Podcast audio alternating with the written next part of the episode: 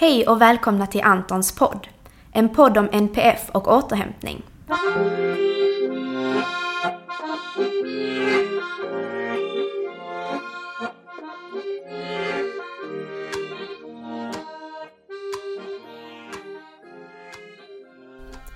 Jag heter Marie och kommer att i dessa poddavsnitt utforska olika aspekter av hur det är att leva med eller tillsammans med någon med NPF, neuropsykiatrisk funktionsnedsättning. Jag heter Josef. För tio år sedan så jobbade jag som pedagog på en särskola och fick en ny elev som hette Anton. Han lärde mig om autism och han lärde mig minst lika mycket om behovet av återhämtning. Jag lärde också känna Antons mamma, Lotta. Att leva med Anton är både fantastiskt och underbart. Men det är också utmanande. För Anton har svår autism och det påverkar hela familjen. Vi är ofta helt slutkörda och har ett stort behov av återhämtning. För att skapa möjligheten att få anpassad återhämtning skapade Lotta, Josef och Antons läkare Helena föreningen Antons hus. Denna podden handlar inte om Anton, men Anton har vi alla gemensamt. Podden är för er alla som också har en Anton.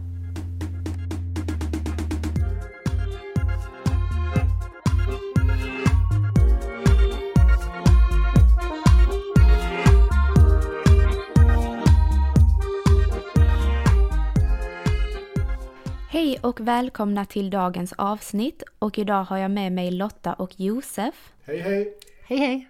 Och eh, idag vill vi lyfta de positiva aspekterna av autism, bland annat vad man kan lära sig av personer med autism, vad det ger oss både som anhörig och på ett professionellt plan, och aspekter som alla ibland inte förstår som positiva om man själv inte har upplevt dem.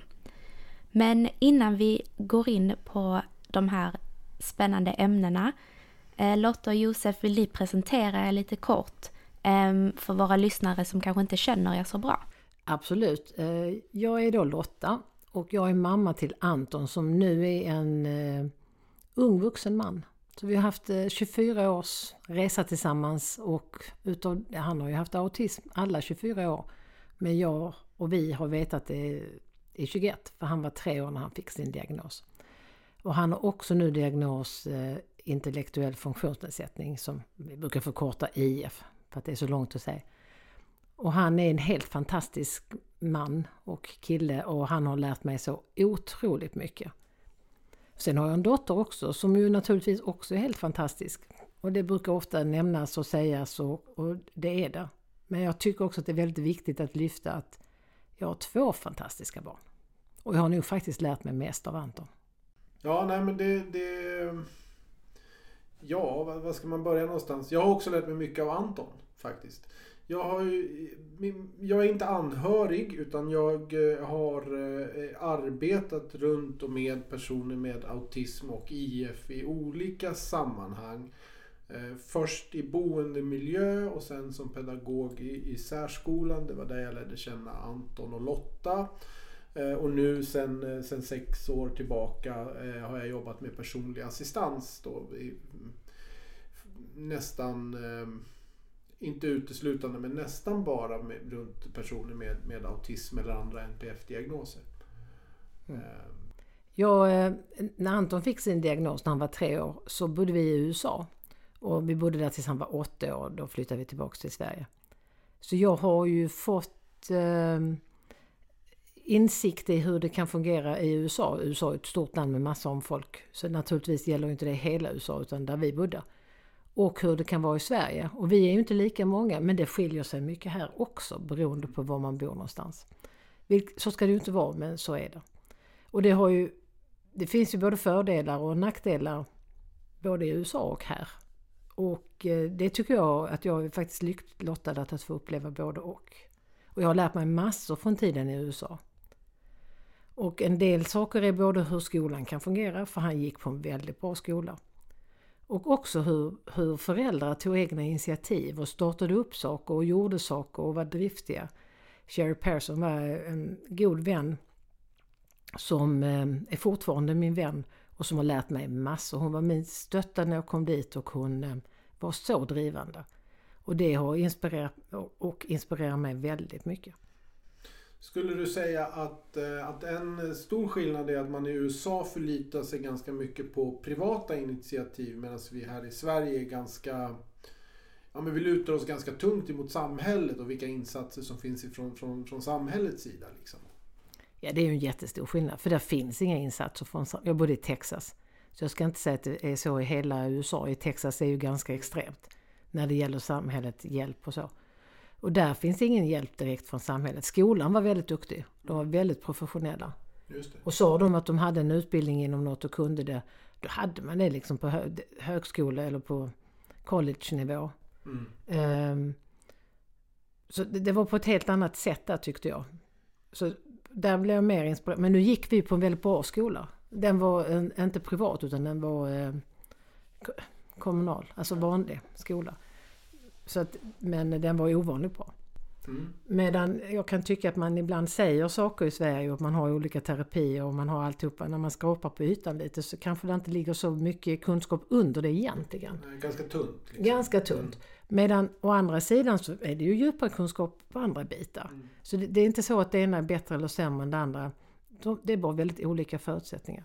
I USA handlar det mycket om att tjäna pengar på det här. Så man har ju olika terapier och det finns mycket olika terapeuter och det finns olika ingångar och olika förslag och det finns mycket, man liksom, det finns alltid saker att prova och göra.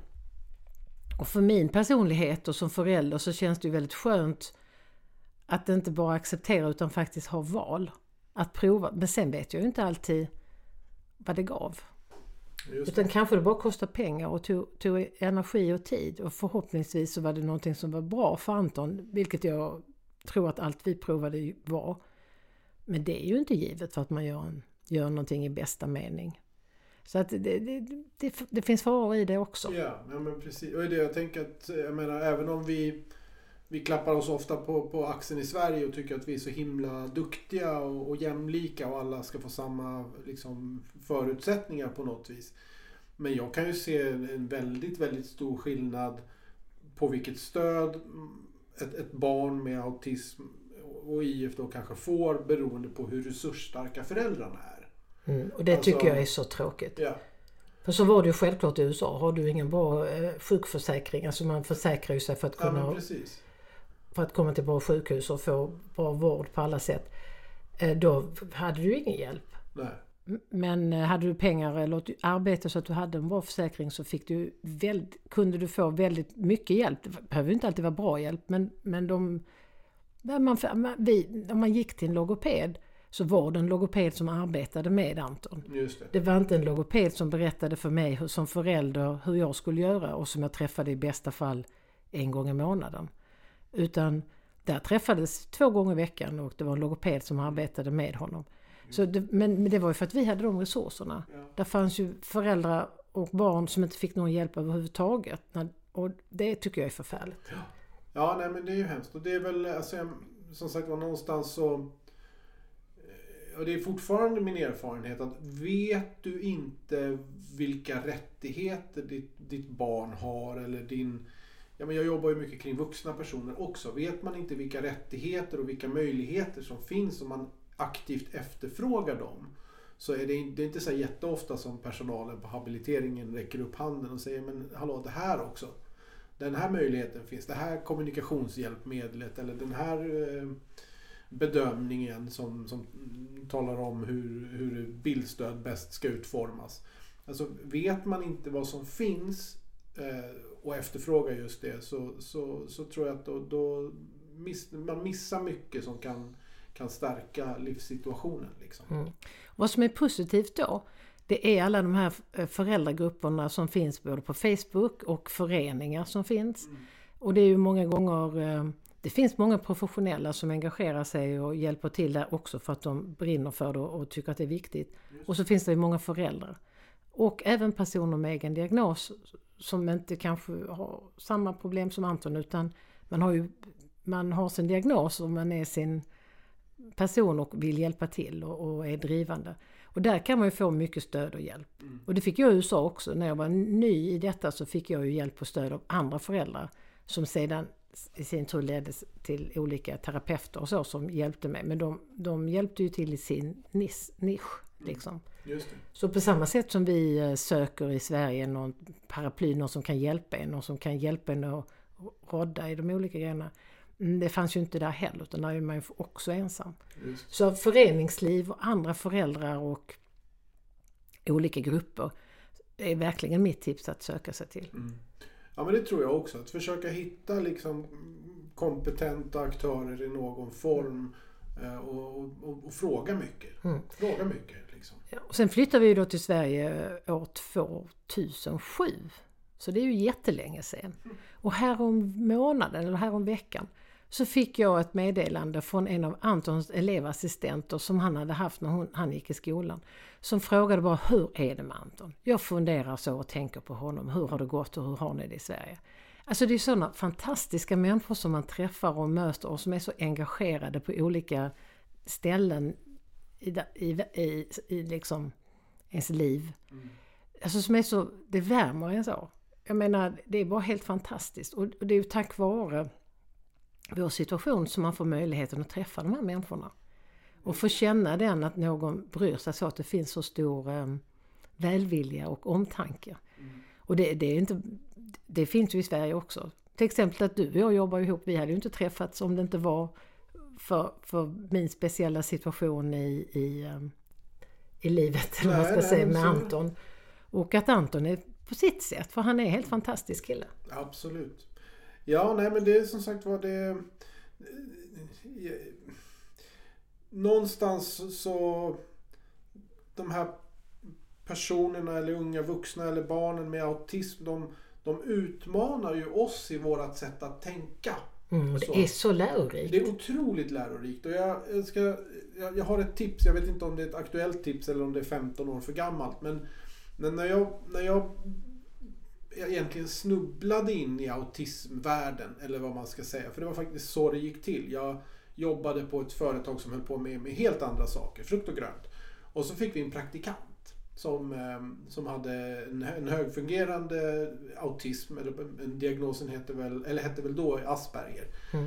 Eh, och, och han berättade om sina speciella behov på ett sätt som, som jag tyckte var så... Ja, men det fick mig att börja fundera på en massa saker och, och, och så började jag läsa en massa. Och, så, och där någonstans så hittade jag en, ett forum på internet som ju då var ja, ganska... Inte, inte jätte, det var inte helt nytt liksom, men det var inte vad internet är idag.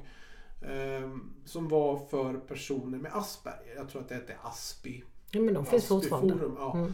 Och det var för mig eh, det, det jag återkom till den här sidan ganska, ganska, under ganska många år. Även när jag liksom började jobba med, med personer med, med en svårare autismdiagnos och, och, och kanske ingen talad kommunikation och sådär.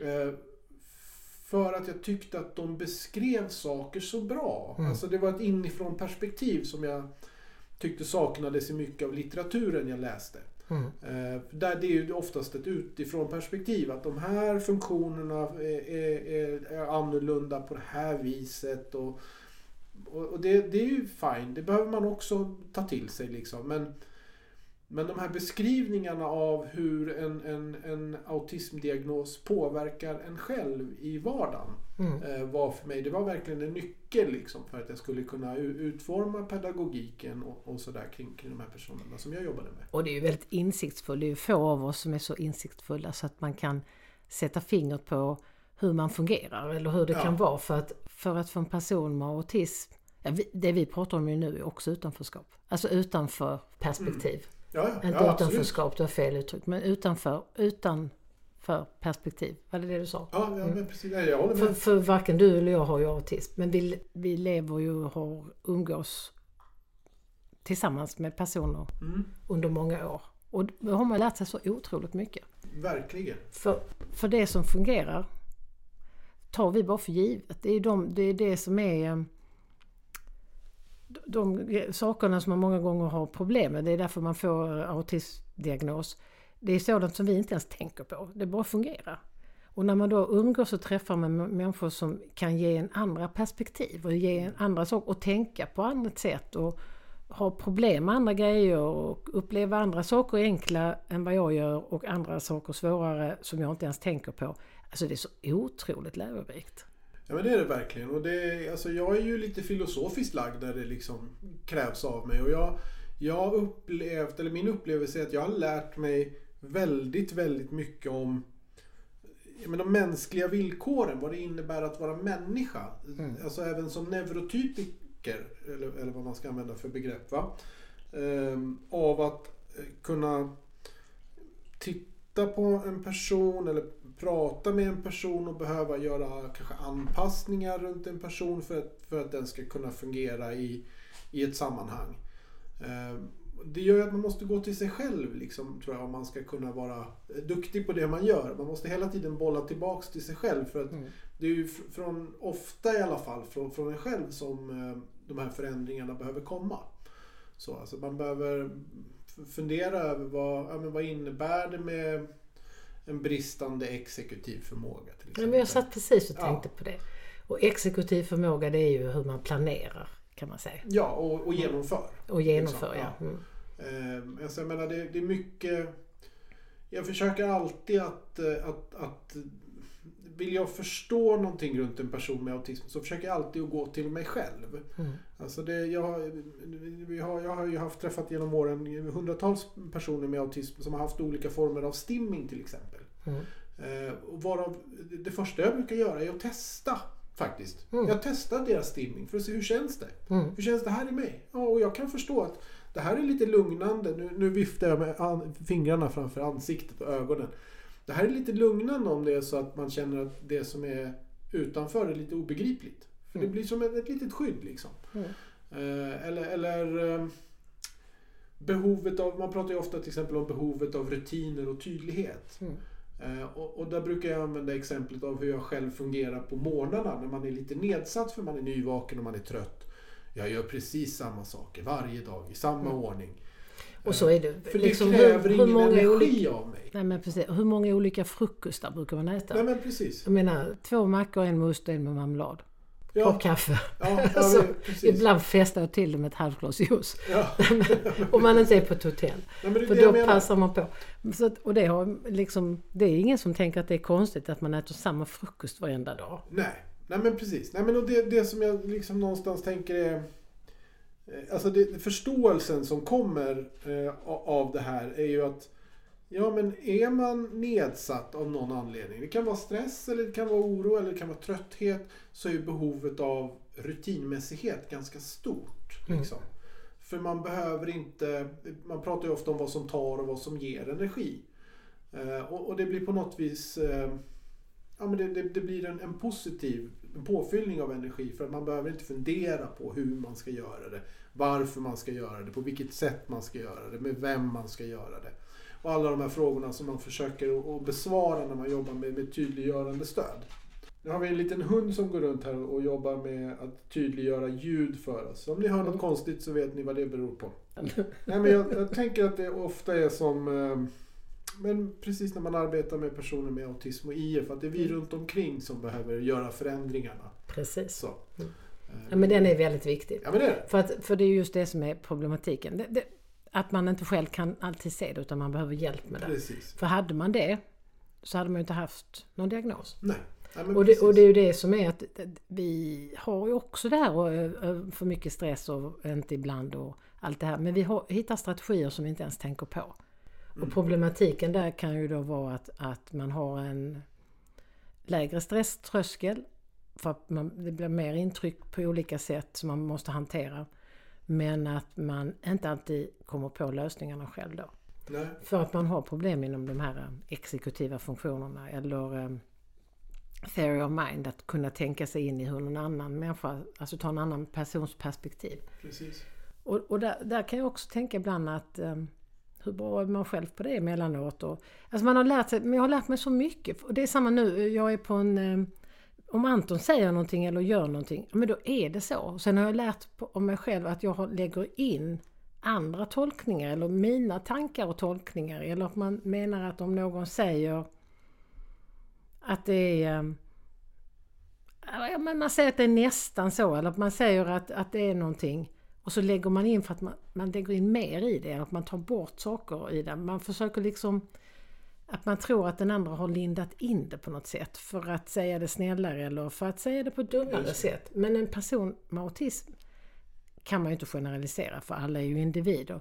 Men en typisk sak är att det man säger det är det som är. Ja. Så att jag vet någon elev nu som kan, kan ju tyckas då att de gör någonting eller är väldigt ointresserade eller gör någonting och så frågar man hur är, vad tycker du nu om det här då? Jo men det är bra. Och då tycker den personen att det är bra. Mm. Även om jag tolkar in att han verkar väldigt ointresserad eller inte alls engagerad. Alltså vad jag menar är att, att man är ju ärlig, men man är ju inte ärlig att man inte ljuger på det viset. Men man är ju liksom ändå... Frågar man, är, är sängen bra? Eller är soffan, sitter du skönt? Är, är, är det en skön stol? Så kan jag kanske säga, ja det är okej. Och då är den väldigt obekväm kanske. Mm. Och då kommer jag då fråga dig eh, Josef, är stolen okej? Och du säger, ja det är okej. Så tror jag att du menar samma sak som jag hade haft menat om jag sa det. Mm. Men personer med autism menar nog då att den är okej så den är inte riktigt bra. Eller att den, eller att den är, alltså beroende på vad man har för värdering. Men de säger inte någonting som förväntas sägas. Utan de säger, svarar på frågan. Och det är ju så skönt att vara och umgås med människor som är så. Man behöver liksom inte hålla på och gissa. Vad kan de nu egentligen ha menat? Vad är det mellan raderna? Kan, när han nu sa så, menar han då egentligen, det är hunden igen, han biter på ett ben. Är det nog egentligen att han att de menade på det viset? Är det lite för kallt? Är det lite för varmt? Eller något sånt. Men om man umgås med personer med autism så är det oftast så att det de säger, det är det som är. Så man behöver inte lägga in en massa tolkning utan lyssna. Och så är det precis de orden som sägs som är. Ja, nej, men det, det, det, stämmer nog i ganska stor utsträckning i alla fall. Ja, det stämmer Så- ju inte alltid självklart. Nej, men så att jag tänker på det här, man, man, eh, vi pratar ju ofta om eh, eh, så här. Vi, en, en, en, eh, ett, ett behov som föreligger skulle jag vilja säga är väldigt mycket av den liksom professionella verksamheten som behövs. Eller som bedrivs. Är, är ett behov av att eh, att ta med personerna i, i, i beslutsfattande i olika saker men Mm. utifrån deras egen, egna förutsättningar. Ja, det är ju jätteviktigt. Och det, det, och det är otroligt viktigt och där tror jag att det är väldigt många verksamheter som brister. Men jag, jag tror också att det finns en... eh, Det finns ofta ett krav kopplat, ett underliggande krav i, i frågor Mm. som, som jag tror är, är svårt för många personer med, med autism att, att, att bemöta.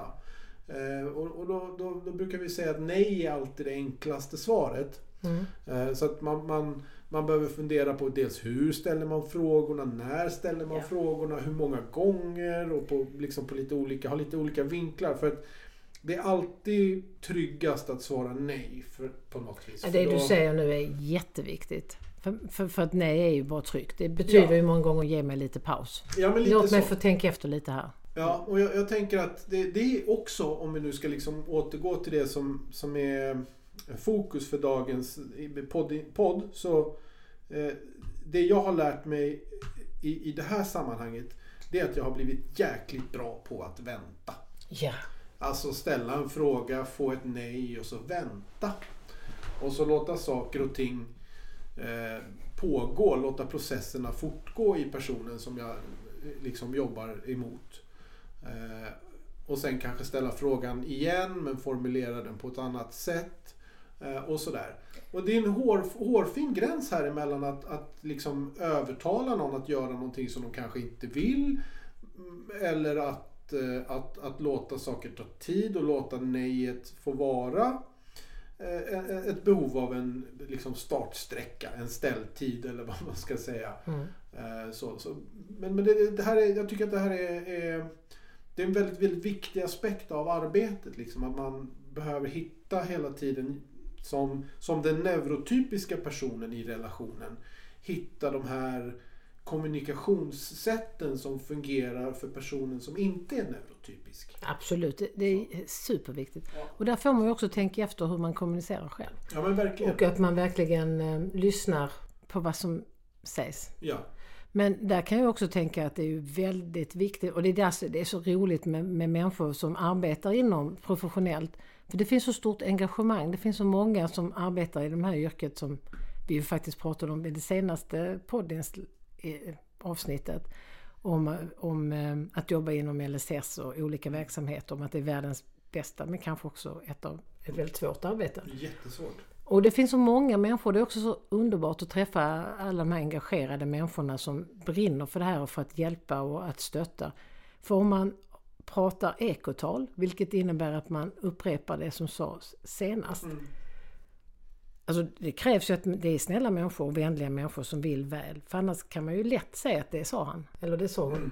Ja, men precis. Utan att man verkligen tar sig besväret att ta reda på vad personen menar. Så när jag säger att man menar bokstavligt vad man säger, det beror ju på om man har en språkstörning eller att man har någon annan sådär. Då, då måste man ju veta hur man kommunicerar Ja, med den individen. ja men precis. Nej, men det, det, det tror jag också är någonting som man tar med sig och Mm. lär sig om man, om man vill. Alltså det, det tror jag gäller egentligen alla. Att man, man justerar sitt, sitt, sitt eh, modus för kommunikation beroende på vem man pratar med. Mm. Eh, Men, men när man jobbar man har jobbat lite grann runt personer med autism och haft den här detektivhatten på som jag brukar prata om. Mm. Så, så ser man det där ganska tydligt hur man behöver anpassa sin kommunikation så att den funkar för, för respektive individ. Liksom. Precis. Eh, Sen- så. Sen tänkte jag också att eh, jag läste faktiskt ett inlägg på Facebook häromdagen och det var så fint skrivet. Och det handlade om en, en anhörig som hade skrivit om eh, att, man, att man inte ska tycka synd om. För det finns ingenting att tycka synd om. Och, och man säger, och min son har autism, åh, det var tråkigt. Vad synd, för det har jag råkat ut för. Och även från människor som står mig nära. Och jag vet ju att människor som står mig nära att de eh, eh, att de säger ju inte så för att vara dumma utan de menar ju väl med det. Men det, gör, det gör, hugger till i hjärtat. För det finns ingenting som är synd om eller som är tråkigt med Anton. Faktiskt inte. Han är helt fantastisk och han kämpar. Och att umgås med honom och vara med honom och man ser att det här är bra, nu mår han bra. Han har ett fantastiskt leende. Jag vet, alltså han säger ofta att han älskar mig. Mm. Jag får ofta kramar och uppmärksamhet och, och han visar kärlek och uppskattning på ett sätt som jag tror är ganska ovanligt att barn i den åldern gör. Men han gör det hela tiden. Och hur lycklig är man inte som förälder att få uppleva något sånt? Och det är lika så med eh, eleverna som jag nu, jag jobbar på ett högstadie och jag jobbar med en RC-grupp, alltså resurscenter. Och i Malmö så betyder det, ja, kanske i hela Skåne eller, jag vet inte. Men det betyder att man, eh, ja, en grupp för, person, för elever med autism som ska få extra stöd i skolan. Och det är helt fantastiskt, de är helt underbara. Och det är också en sån sak, det är, det är sällan man på ett högstadie får ett sånt leende och ett sånt glatt hej. Eller visar på att man uppskattas eller att man kan diskuteras och pratas med eller att man... Alltså man, man får så mycket tillbaka. Man får så mycket...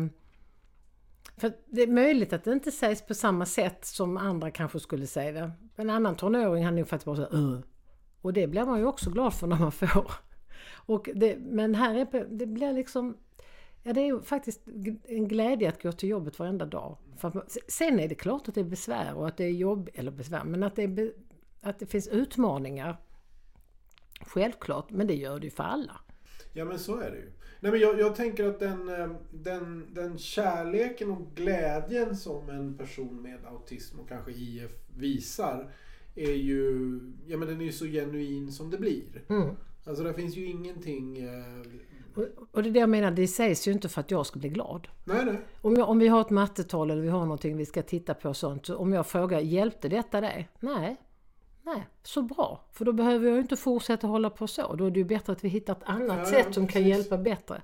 Men hade jag frågat någon elev som inte var i den gruppen, hjälpte detta dig? Ja, jag gjorde, lite, ja, jag gjorde det nog. Alltså, mm, för vi är uppfostrade för att så ska man svara. Ja, men men det är så befriande om någon bara säger nej. Och säger de ja, oj vad bra tänker man. Då Ja. kan man fortsätta på detta viset. Då behöver man inte sitta och tolka in och gissa om, om det var ett ja eller om det var ett ja för att göra mig glad. Det var liksom det jag menade lite innan när jag Just det. pratade om det. Mm. Så att, ehm, och, och det tycker jag är väldigt skönt. Ja men det, det är det faktiskt. Det håller jag med dig om. Det, det är väldigt ja, men tacksamt. Så. Mm. Mm. Så det, och sen som anhörig, också andra anhöriga och vänner och, och också mm, innan man kom in i denna världen ett stort umgänge och många liksom kompisar och kusiner och alltså så. När man sen kommer in i denna världen så blir det ju att man, det tar ju väldigt mycket av, av min tid och energi. Så att det är mycket autism som pratas om. Och då försvinner också väldigt många. Så man är ju väldigt ensam det. på det viset från de vänner och bekanta man hade och släktingar som man hade tidigare. Men där är några som är kvar. Mm. Och där är några som hjälper och stöttar och det kan bara vara att man får ett samtal eller att någon frågar hur är det, hur är det med Anton?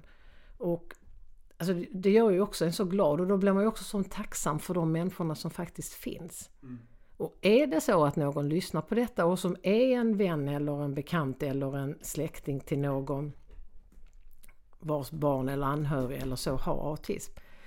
Så kanske det inte alltid är så lätt i hur man ska hjälpa till och finnas. För man kan ju inte den världen sådär jättebra. Men ett bra sätt är ju att visa intresse. Ja, men det Och fråga. Precis. Det jag sitter och tänker är att lyssna. Lyssna. Att fråga och lyssna. Liksom. Fråga och inga lösningar behöver ges för de, de Nej, kan man nej. själv hitta eller försöka få hjälp av från andra håll. Men att finnas där. Mm. Och att liksom, jag vet en gång, det var en midsommar tror jag, då hade jag en kompis som frågade om inte vi skulle komma, bjöd hem oss på midsommar. Jag menar det är ju så unikt, vi blir aldrig bjudna på något sånt längre. Och då så sa jag, ja men det är ju problem med Anton. Så, ja men hur ska vi göra för att det ska fungera? Det. Ja men vi skulle kunna göra som så att vi kan försöka med ett tält eller någonstans där han kan dra sig undan. Ja det gör vi. Och så fixar vi ett tält och så åkte, räcker det så här tror du? Nej, vi kanske måste komma dit och träna på att vara i tältet. Ja men det var väl bra. Och så gjorde vi det. Och så, sen funkade det inte ändå. Men att bara känna den medmänskligheten Ja. att man försökte. För sen när vi var där ville inte Anton ändå så fick en av oss åka hem med honom. Men vi andra i familjen kunde ju stanna kvar en stund. Ja, men viljan Alltså, liksom. Viljan finns där.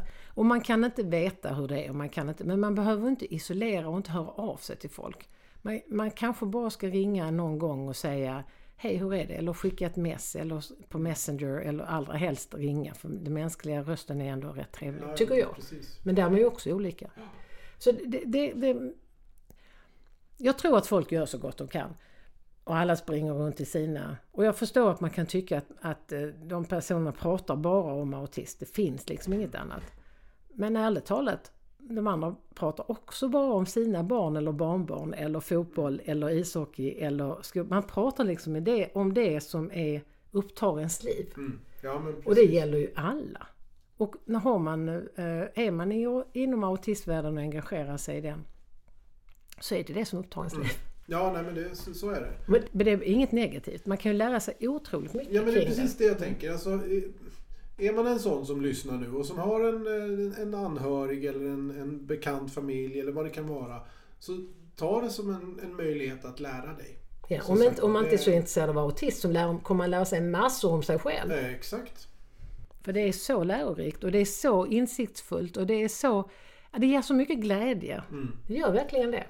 För man brukar ofta lyfta om problem och att det är svårt och allt det här. Mm, det är problem och det kan vara svårt för allting fungerar inte som för alla andra. Men det fungerar på sitt sätt. Exakt. Och det är faktiskt ett unikt sätt att fungera på och det är inte dåligt. Nej, Det nej, är det, det är annorlunda. Det är annorlunda. Ja, precis. Och det är väl okej. Vi är väl alla unika. Det Ja. är väl det vi har gemensamt, att vi alla är unika. Ja. Och med det så tackar vi för oss och tack för att ni har lyssnat. Glöm inte att följa oss på sociala medier för att lära dig mer om autism och om vårt projekt Antons hus. Gå in på vår hemsida www.antonshus.se för där hittar ni all information om Antons hus och var ni kan följa oss. Där uppdaterar vi även när nästa avsnitt av Antons podd släpps. Tror du på idén om Antons hus som vi gör? Då kan du hjälpa till genom att sprida information om Antons hus till din familj och dina vänner. Det viktigaste är att vi når ut till så många som möjligt. Eller så kan du swisha en slant till 1234 72 71 03. Vi tar emot bidrag, både stora som små. Vi ses i vårt nästa avsnitt.